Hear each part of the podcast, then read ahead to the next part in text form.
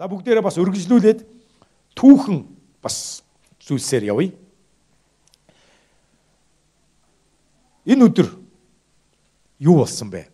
2000 жилийн тэртээ энэ өдөр юу болсон бэ? Бэлнэ үү? За бүгдээрээ түүхийн их сурвалжуудыг хамтдаа харцгаая. Матай 27 дугаар бүлгийн 57-оос 66. Матай бол Есүс Христийн 12 дагалдагчийн нэг. Есүс Христийн үхэл амьлалтыг нүдэрэ харсан тэр нүдэн гэрч. Тэгээ хожим Есүс Христийн энэ амьлалтыг гэрчлэн тэр үнэхээр зовлон эдэлж хавчлага дотор амиа өгсөн. Амиа өгтлөө тэр Есүсийн амьлалтыг гэрчилсэн тэр гэрч. Тэр үүнийг бичиж үлдээсэн байна. Есүсийн шав байсан Йосеф гихч Ариматын нэгэн баян хүн оройн нь хурч ирлээ. За энэ түүхийг бид нар ямар хэсгээс нь уншиж байгаа гэхээр Христ нас бараад барсны дараа загалмай цовдлогсны дарааг бид нар уншиж байгаа. Тэр хүн Пилатод бараалхаж за Пилат гэдэг нэрийг тогтоогоод аваараа. Энэ хүн бол Есүс Христийг загалмай цовдлох тэр шийдвэрийг гаргасан тухайн үед еврейчүүдийг Иудаг захирж байсан Ромын хаант улсын захирагч байгаа. За Есүсийг цовдлосны дараа энэ Ариматын Йосеф гэдэг хүн Пилатод бараалхаж Есүсийн цогцыг гуйхад Пилат өгөхийг тушаав. Энэ Йосеф өөрөө еврей хүн маш нэр нөлөөтэй баян ийм хүн байсан учраас тэр шууд Пилаттай харилцаж чадчихсан баг. За дараагийнх нь Йосеф цогцыг аваад цэвэр малинган даавуунд ороож хатанд ухаж хийсэн өөрийнхөө шин булшинд тавьж харж байгаа биз. А энэ хүн маш баян сурвалжт гаралтай ийм нөлөөтэй хүн байсан учраас тэр настай хүн байсан. Тэгэд өөрийгөө өөрийнхөө оршуулганд бэлдсэн цоо шин хадан булшинд өөрийгөө тавих гэжсэн тэр шин булшинд тавьсан баг. Бул чулуу өнхрүүлэн булшны үүдийг таглаад явжээ. Йосеф юу болов? Тэнд Магдалины Мария болон нөгөө Мария булшны эсрэг талд энэ юу болчих үсрээ явчих яач вэ? Билгээ. Тэнд Магдалины Мария болон нөгөө Мария булшны эсрэг талд сууж байв. Бэлтгэлийн өдрийн дараах өдөр тахилчид ба фарисеучуд Пилатинд цуглаад ирхмээ тэр мэхлэгч амьд байхдаа би 3 хоногийн дараа амьлна гэж хэлж байсныг санаж байна гэж хэлсэн байна. За цаашаа. Тиймээс шав нар нэрж түүнийг хулгайлаад ард олонд тэр үхсдээс амьлав гэж хэлүүлэхгүй тулд 3 дахь өдөр нь хүртэл булшийг хамгаалахыг тушаагаач. Эс бөгөөс сүүлчийн мэхэл нь эхнийхээсээ дор муу юм болно гэцгээлээ. Пилат тэдэнд харуул аваад яв чадхаараа хамгаал гэж хэлсэн байна. Тэд харуултаа явж хадыг лацтаж булшийг хамгаалав. За энд та нараа бас анхаараарай. Хадыг лацдсан байна. За би эндээс уншийд. Тэгэхгүй бол энийг дагаж явхлаар бас хоцроод өсрээд их шиг. Матай 27-гийн 57-оос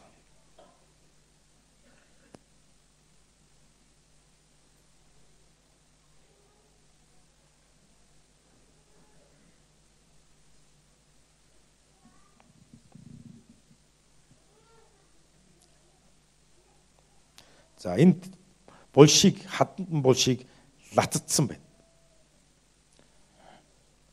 За лацдсан гэдэг нь юу гэсэн утгатай юм бэ?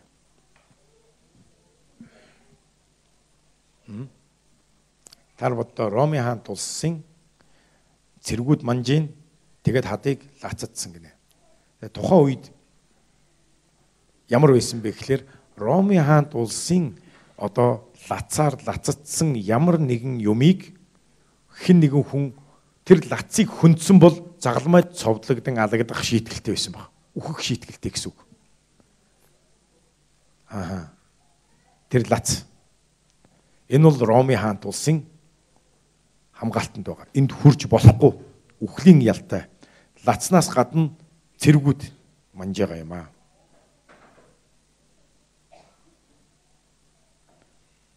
За бүгдээрээ 28 дугаар бүлгийг бүлэг рүү оръё. Матай 28. Амралтын өдрийн дараа 7 хоногийн эхний өдөр үүрээр Магдалины Мария болон нөгөө Марианаар булшийг үзэхээр ирвэ.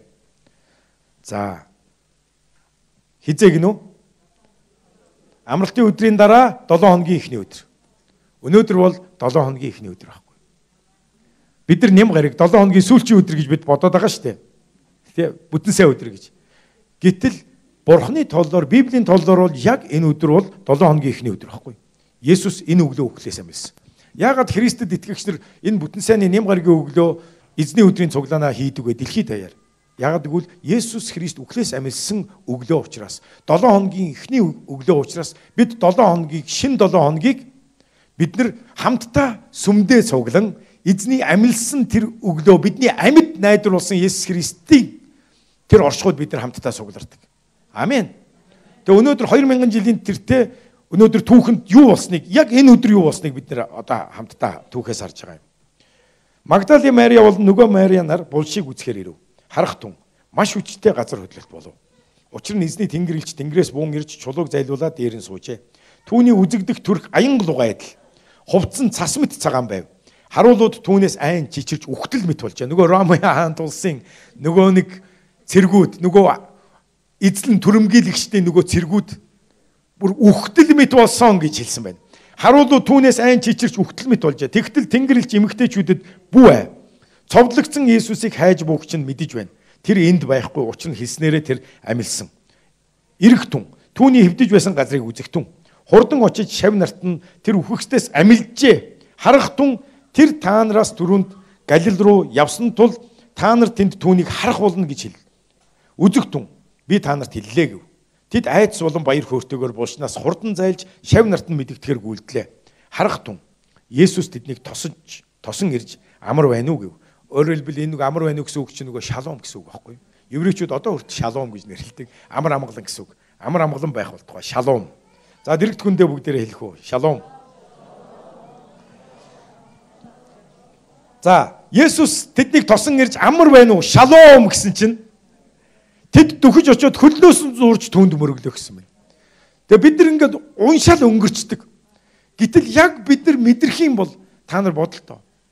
Үнэхээр хайрлаж хөндлөж байсан хамтдаа өнгөрсөн 3 жилийн турш энэ эмэгтэйчүүд өдөр болгон түүнийг дагаж түүнд үйлчлэн түүний ямар их гайхалтай зүйлийг хийж байгааг Библиэд бичигдэн үлдсэн тэр бүх гайхамшигыг харж Есүс хүмүүсийг яаж хайрлаж өөрсдийг нь яаж хайрлаж яаж өрөвдөж инэрч явсан Тэд үнэхээр Есүстэй хамт байхдаа хүчрхэг цайз хэрэг дотор байгаа юм шиг ямар их нөвөр нөөлгөн дотор байсан бэ.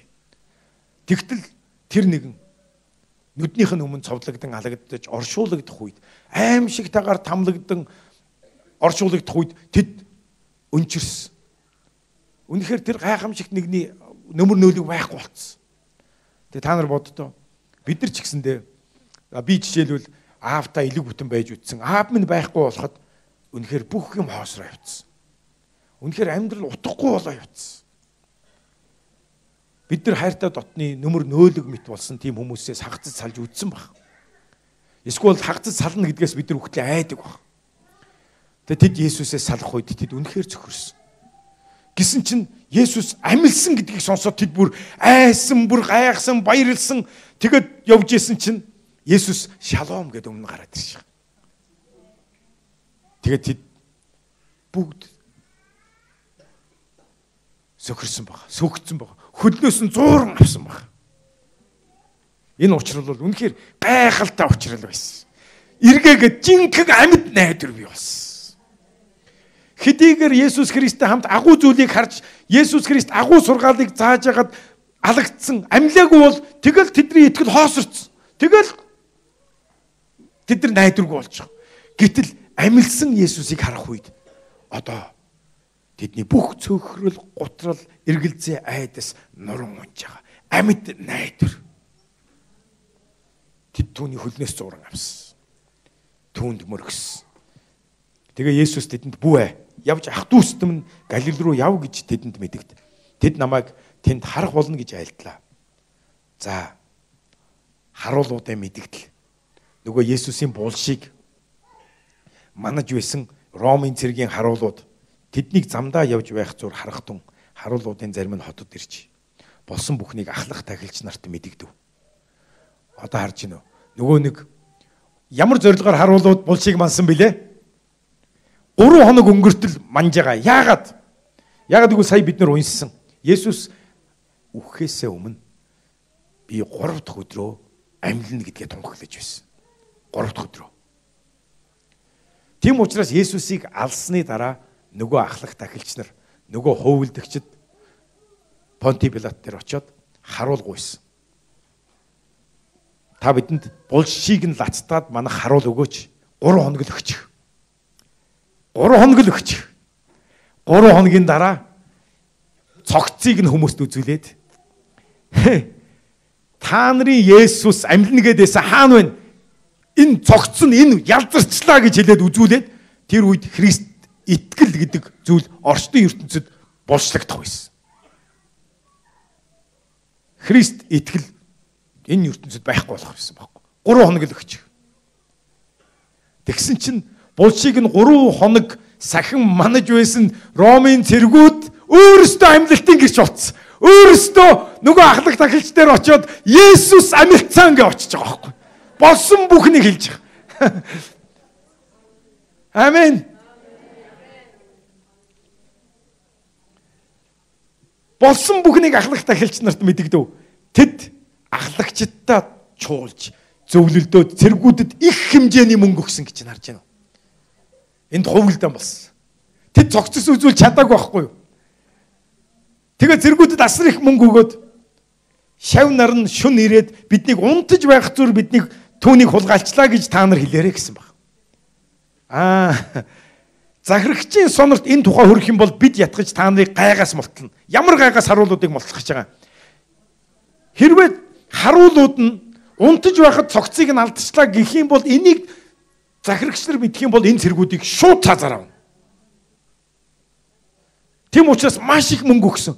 Гэхдээ бид ингэж хэлмээргүй бид үхэн штэ бид алуулна штэ бид хулгаад алдсан гэвэл тэгсэн чинь маш их мөнгө өгсөн тэр байхгүй.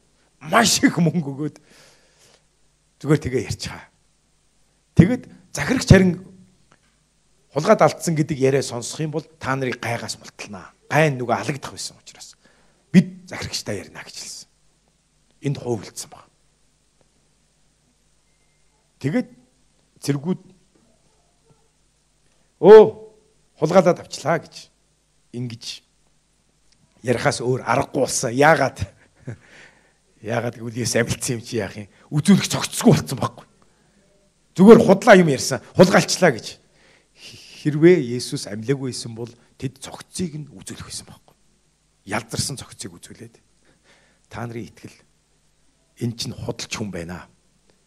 Эн чинь мэхлэгч байна гэдгийг харуулах байсан.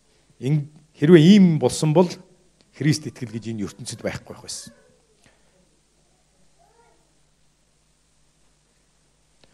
Шав нартаа өгсөн агуу захирамж гэж. Харин 16-аас харин 11 шавь нь Галилийн зүг Есүсийн товлсон уул өөд яв. Тэд Есүсийг хараад түүнд өмөргөж зарим нь харин эргэлзэж байлаа гэсэн. Есүс төхөж ирээд тэдэнд тэнгэр газар дээрх бүх эрх мэдлийг надад өгсөн иймээс яв. Та нар яв бүх үндэснийг дагалдуулахтун. Эцэггүй хариуцны нэрээр тэдэнд баптизм хүртээ. Та нар тушаасан бүгдийг минь сахин биелүүлэхийг тэдэнд цаа харахтун үеийн төгсгөл хүртэл би та нартай үргэлж хамт байх болно гэдгийг хэлсэн баг. Амен. За надад бэлтгэсэн дөрвөн гэрч байгаа. Матай, Марк, Лук, Йохан дөрүүлээ Есүсийн амьлсныг тухайн үед юу болсныг бичсэн. Гэхдээ би цаг байгаагаа учраас одоо би та нарт сая би Матагийн бичсэнийг хэлсэн. Матай бол Есүс 12 дагалдагч нэг. Одоо Есүс 12 дагалдагчийн нэг болсон Йоханы гэрчлэлийг бүгдээр хамт тааръя. Йохан 19:31-ээс 20. Амьлсныг бас Йохан ингэж бичсэн байна. Йохан 19:31-ээс. За бүгдээрээ түүхээр аялж байгаа шүү.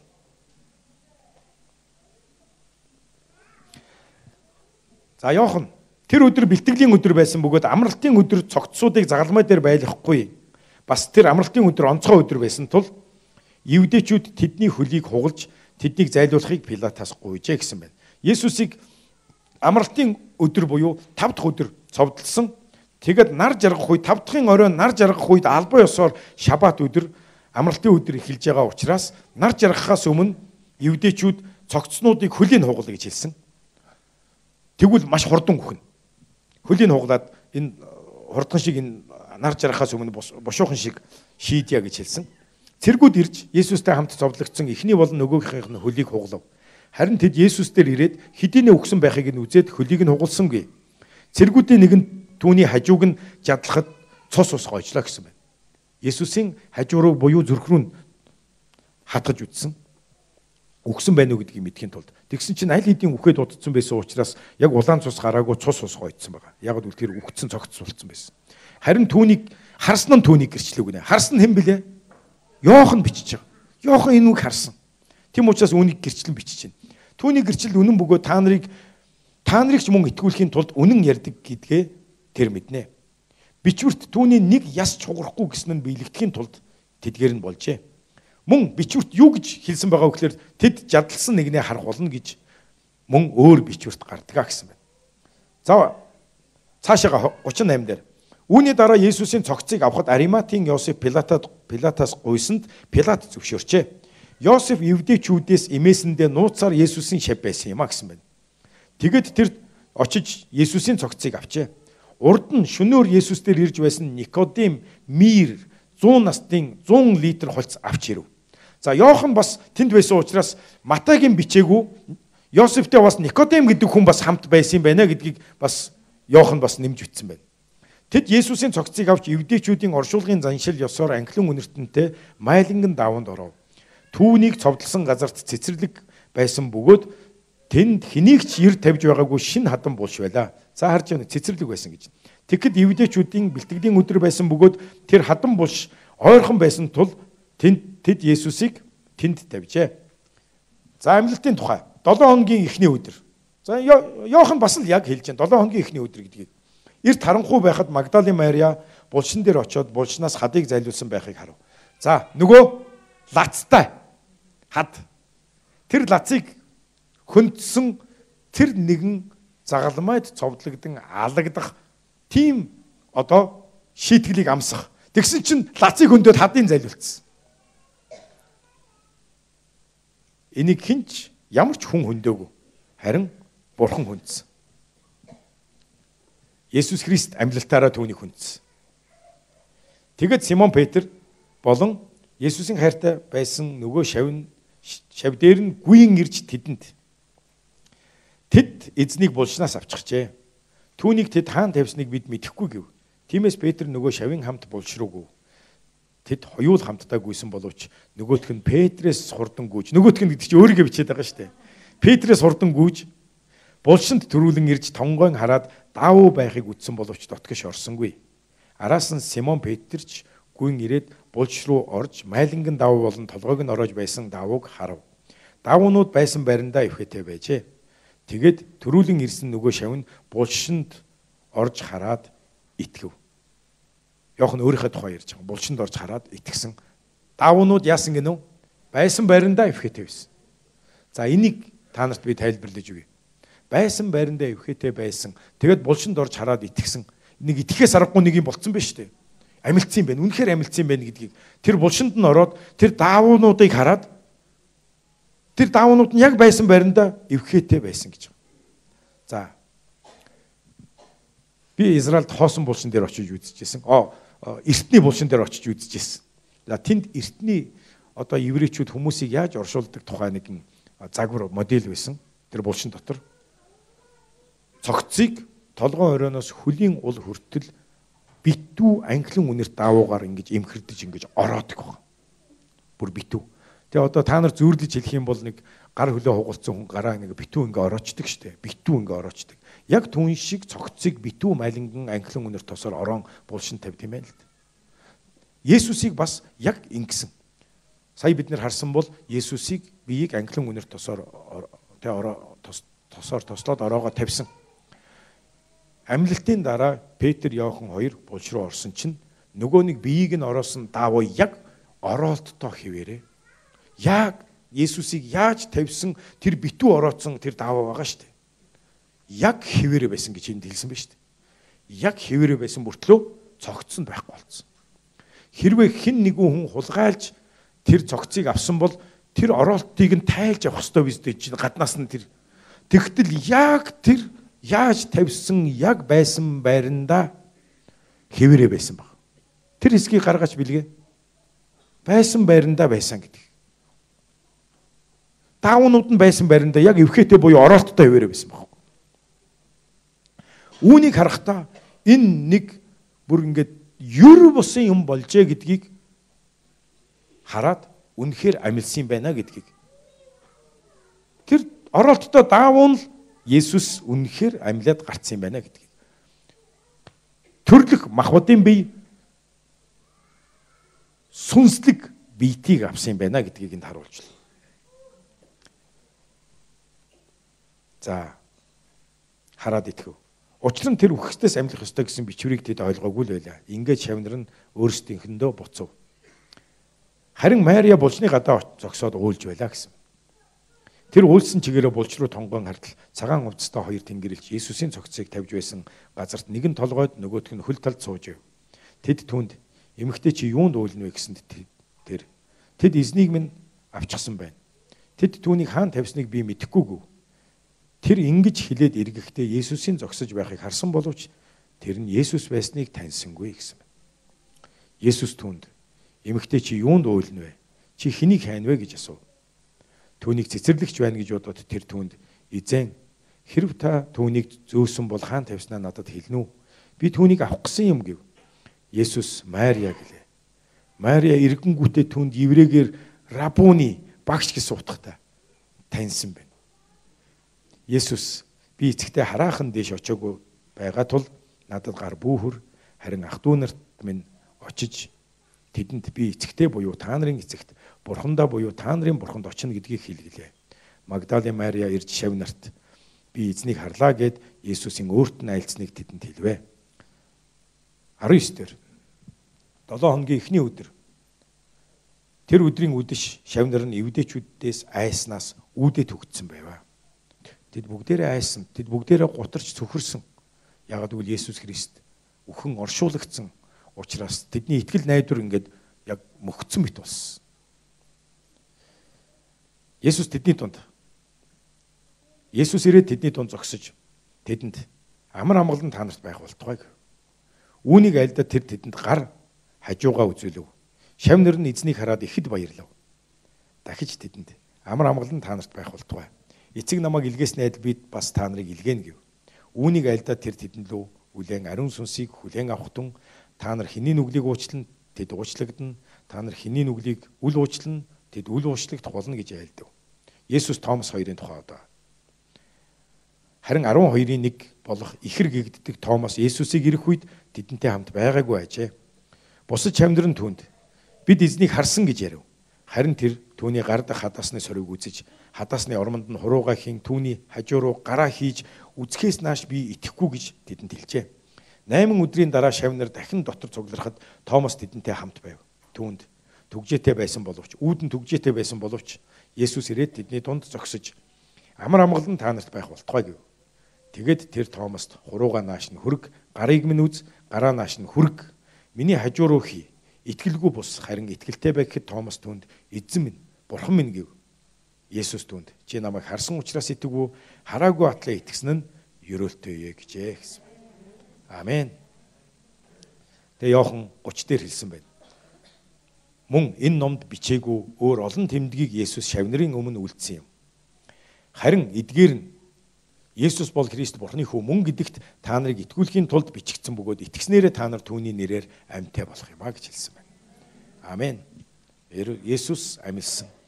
Бид нар сая түүхэн ном, түүхэн гэрч болсон номнуудыг уншлаа. Мөн Есүсийн амьлалтын талаар Библиэлд бичсэн маш олон түүхэн баримтуудыг энд байгаа. Та нар Библийг уншиж үзээрэй. Тэгээ түүнийг тунгаан бодороо, түүнд итгээрэй. Тэгээ Есүс үнэхээр амилсан юм. Тэгээ би та нарт одоо хадан булчтан дээр очисон өөрийнхөө хийсэн бичлэгийг би бас та нарт үзүүлье. Тэгээд Израильд би хэдэн жилийн өмнө очихдоо яг хадан булчтан дээр очисон. Тэгээд дэлхийд жилд хэдэн сая хүн Израильд зуулчлан одоо жуулчлан очдог. Тэгээд тэд нэр хадан булшаар ордог. Тэгээ хадан булшаар ороход булш хоосон байдаг. Тэгээ тэд хаалга хадан булшны хаалган дээр Есүс энд байхгүй яагаад гэвэл тэр амилсан юм а гэсэн бичээс.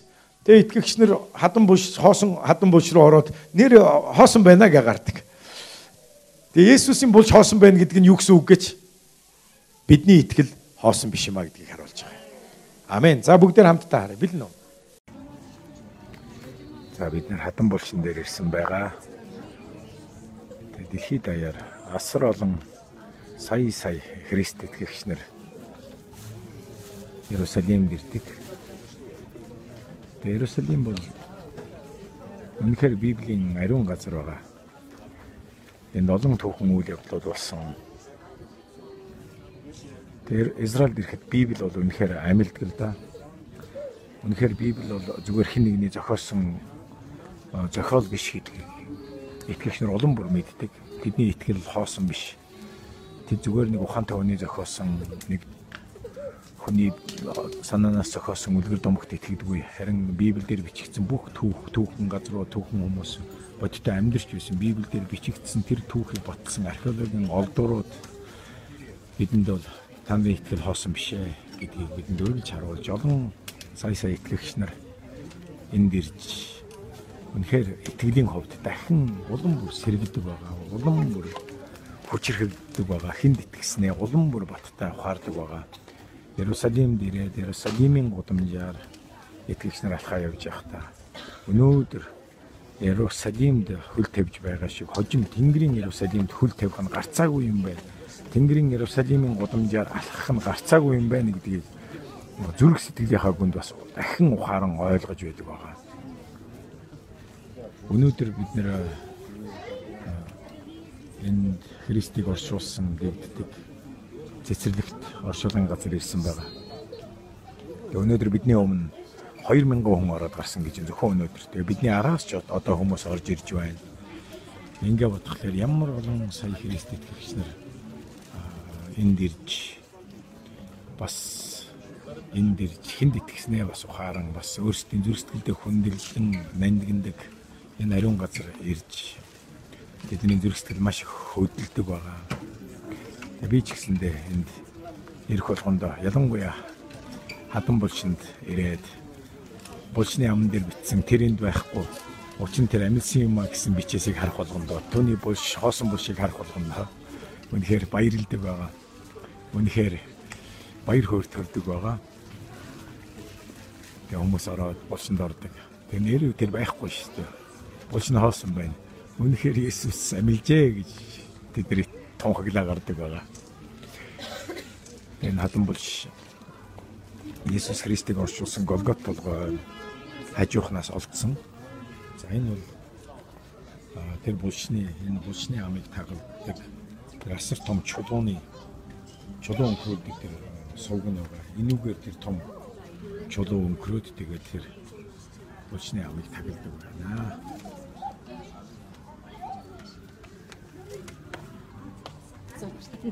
Есүс амилсан. Тэгээ Понти Пилатын ажлын тайланг одоо гаргаад өгөхгүй юу? Тэгээ бүгдээр хамтдаа дараа нь залбираад эзэн дөргөлдүүд өргөлцгөөе. Понти Пилатын ажлын тайлан тэрхүү одоо Есүсийг загламай цовдлох шийдвэрийг гаргасан тэр Ромын амбан захирагч хүн хожим Есүсийн амлалтын дараа өөрийн ажлын тайлан дээр ингэж бичиж үлдээсэн байна. Тэгээ энэ тайлан одоогийн Турк улсын дэлхийд алдартай нэгэн одоо музейд байд юм байна л да. Понти Пилатын ажлын тайлан гэдэг нэртэй. За тэр назар хүний царай харагдах үед би хүлээх өрөөнд байсан юм а. Понти Пилат өөрөө бичиж үлдээсэн. Харин төмөр бахим гар миний хөлийг шалтай наах мэт болж би хөдөлж чадахгүй.